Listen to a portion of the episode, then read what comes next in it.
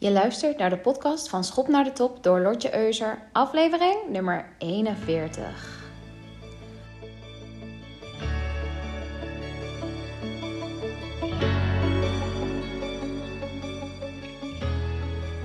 Welkom, lieve ondernemers, lieve hardwerkende ZZP'ers en salesdigers. En nou ja, nu ik dit zo zeg, misschien voel jij je helemaal geen salesstijger. Misschien voel je je wel meer een sales loser, omdat je de afgelopen tijd haast niks hebt verkocht.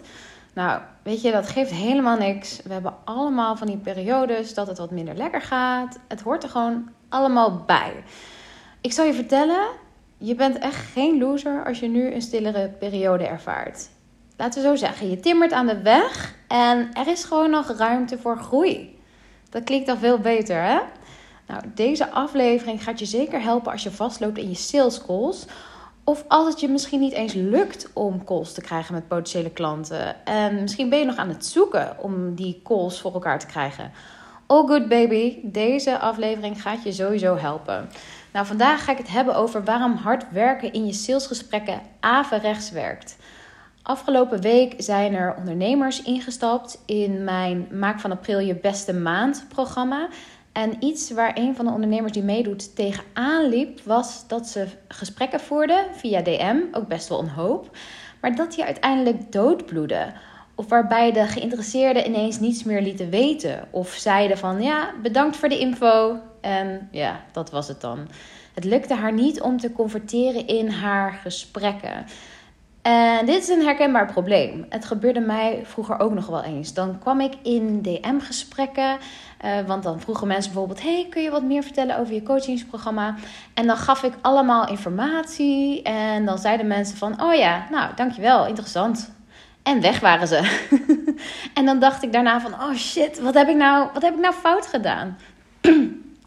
Nou, dat, uh, dat zijn van die momenten dat ik me ook best een loser voelde. En ik begreep het ook niet. Ik dacht van, ja, wat is hier nou helemaal gebeurd? Ik heb zo mijn best gedaan in dit gesprek. Ik heb zo, gebeurd om, ge, ik heb zo geprobeerd om alles te benoemen. En toch werkte het niet.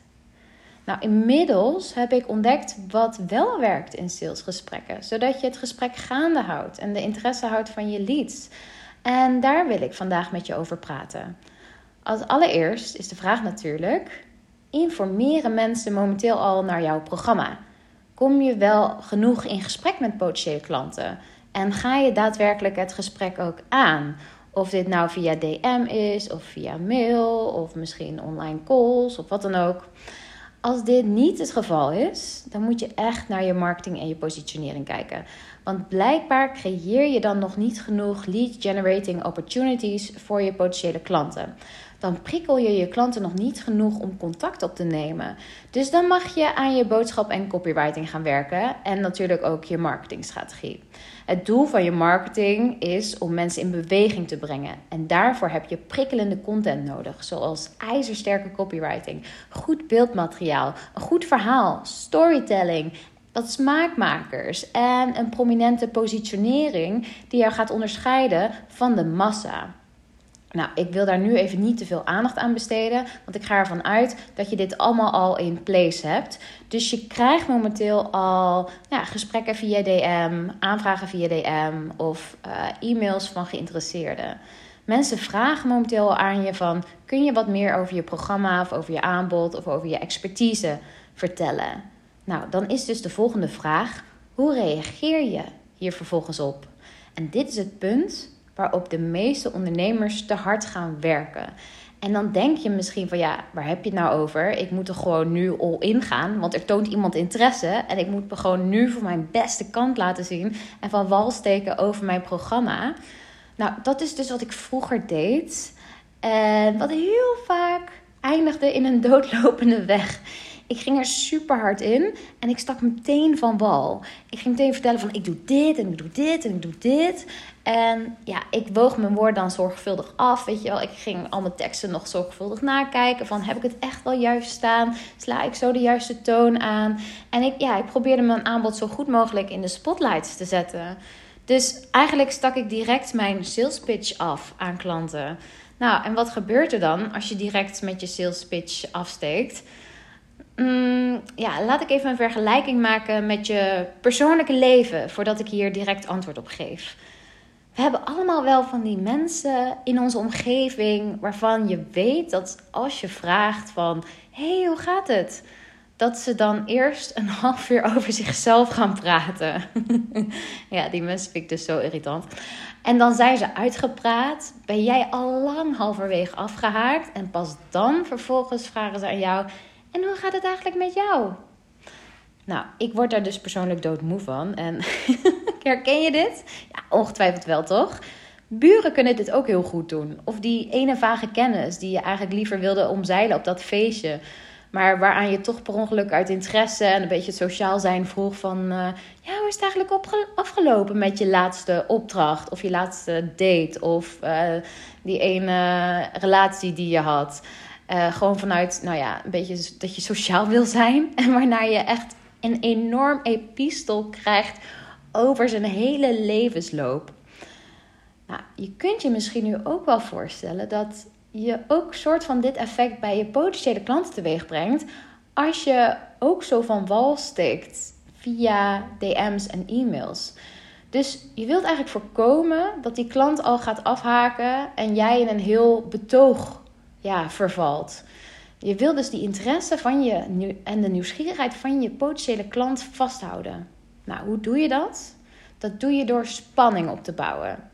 En ja, just like the movies. Je bouwt eigenlijk een soort van climax op.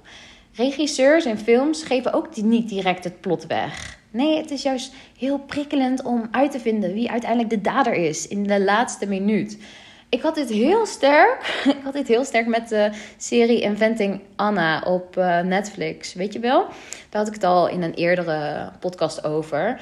Nou, ik vond het acteerwerk in die serie soms echt heel treurig. Maar ik moest dus en zou weten wat nou precies zou gebeuren aan het einde. En of er nog een bepaalde plot twist zou komen.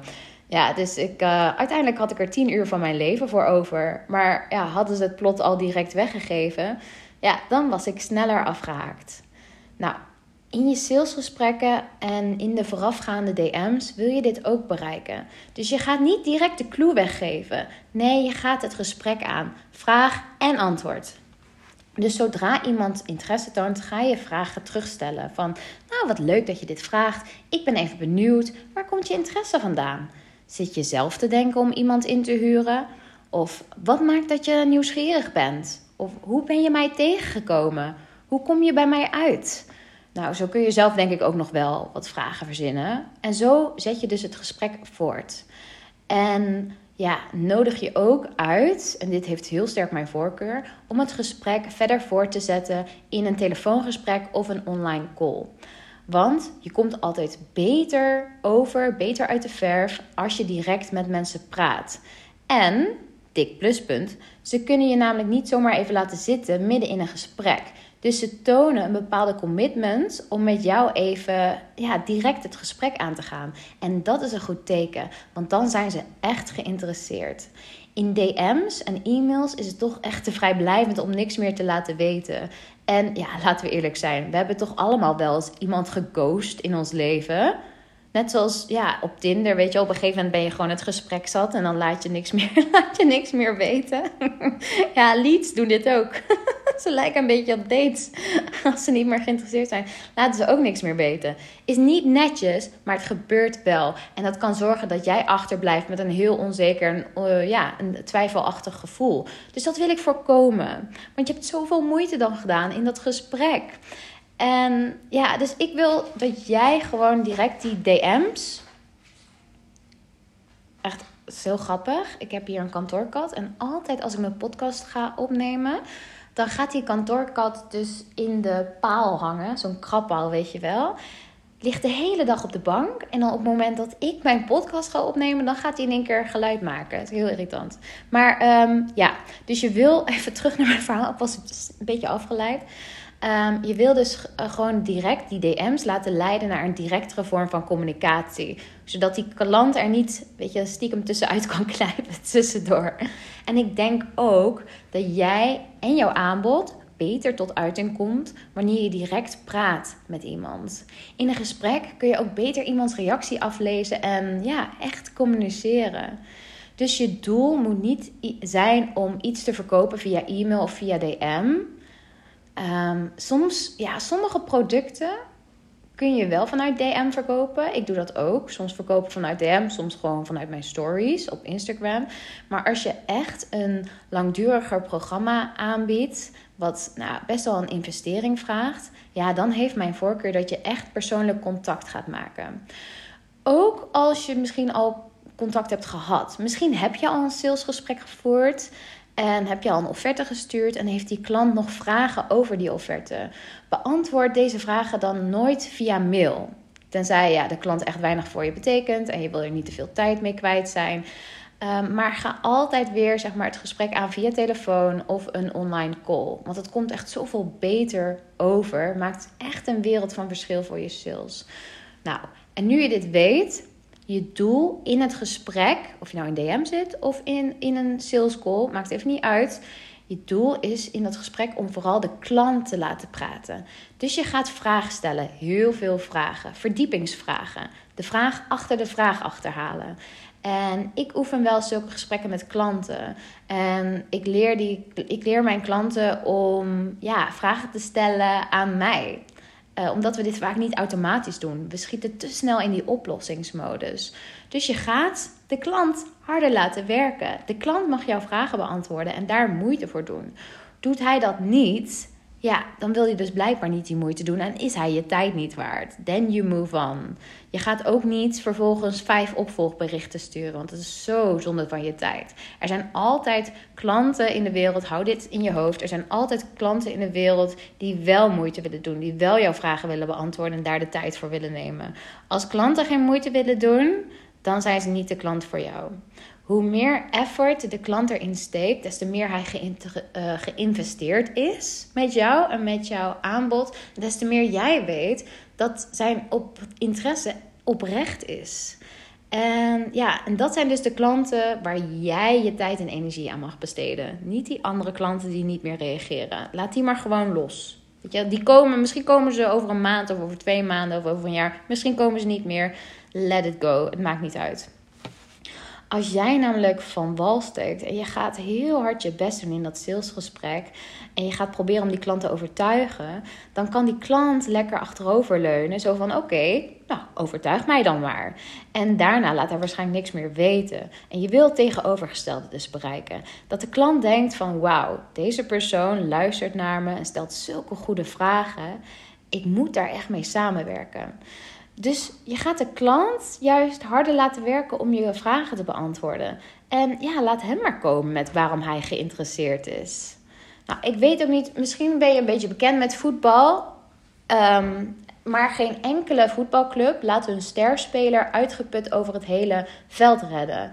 Nee, er wordt gezorgd voor een systeem waarbij het hele team zorgt en eigenlijk hun sterspeler ondersteunt, die de topscorer is dat uh, hun sterspeler een uitstekende paas krijgt, waardoor hij kan doen wat hij het beste doet, is namelijk scoren. Maar stel dat je nou tegen iemand zoals Messi zegt van oké, je mag scoren, maar je moet wel even de bal bemachtigen bij de tegenpartij aan de overkant. Ja, dan gaat Messi zich natuurlijk rot rennen. En uiteindelijk, als hij bij het doel aankomt, is hij te moe om te scoren.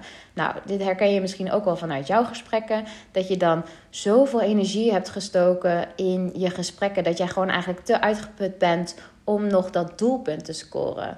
En dat wil ik voorkomen bij jou. Dus je zorgt dat de klant eigenlijk de bal aanspeelt, zodat jij die goal kunt maken. En dat doe je dus door prikkelende vragen te stellen en die klant te laten werken.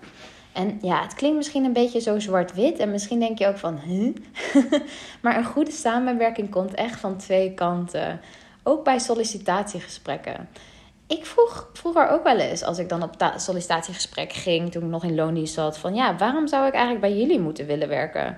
Waarom denken jullie dat dit een goede match is? Wat zijn de voordelen? En wat voor ondersteuning kan ik verwachten om de gewenste resultaten te behalen? Wat kan ik van jou als baas verwachten? Heb ik ook vaak aan managers gevraagd. En dit zijn echt hele sterke vragen. En die vragen zagen opdracht. Ja, uh, die vragen zagen um, vaak die werkgevers helemaal niet aankomen. En des te meer bleef ik ja, bij hen. Weet je, of blijf ik, bleef ik ze bij. Dus als jij ook solliciteert pas dit dan zeker toe, want het maakt je super, super aantrekkelijk. Zij mogen ook best even wat moeite doen om jou binnen te halen. En zeker trouwens in deze markt. Zeker in deze markt. Die zo oververhit is. En waarbij zoveel vraag is naar goede mensen. Nou, en vervolgens dus, als je merkt dat de klant warm loopt en jouw vragen beantwoordt. En je denkt, nou, dit zou wel eens een goede match kunnen zijn. Dan pas mag je meer vertellen over je aanbod. En dan doe je dat op zo'n manier die jouw klant aanspreekt. Dus je refereert daarbij terug naar zijn uitdagingen en hoe jouw aanbod daarbij zou kunnen helpen. Wat ik ook doe, is dat ik dan vraag aan klanten bijvoorbeeld van waar heb jij behoefte aan? En daarop pas ik mijn aanbod dan aan. Kijk, het heeft geen zin om iemand te proberen een heel traject te verkopen als diegene op zoek is naar eenmalige sessie. Waarom zou je dan een heel traject proberen te verkopen als die behoefte daar niet is? En achter die behoefte kun je dus komen door de juiste vragen te stellen. En ik kan je vertellen, als je dit toepast in je gesprekken, gaat dit zulke andere en betere resultaten opleveren. Nou, mocht je hier nou meer over willen weten, dan moet je gewoon instappen in mijn 1 op 1 programma van drie maanden. Word een bestseller. Want ja, dit is wel echt een van de speerpunten waar ik mijn klanten mee help. Want dit is echt sales. Nou, ik ga zo lekker even een lang weekend in. Ik breng Pasen door met mijn familie en vrienden. Ik heb er helemaal zin in. En ja, ik wens jou ook een heel fijn Pasen toe. En rust vooral lekker uit. Ik merk dat heel veel mensen deze week heel erg moe zijn. Dus neem lekker je rust. En dan zie ik je volgende week weer bij een nieuwe aflevering van Schop naar de Top.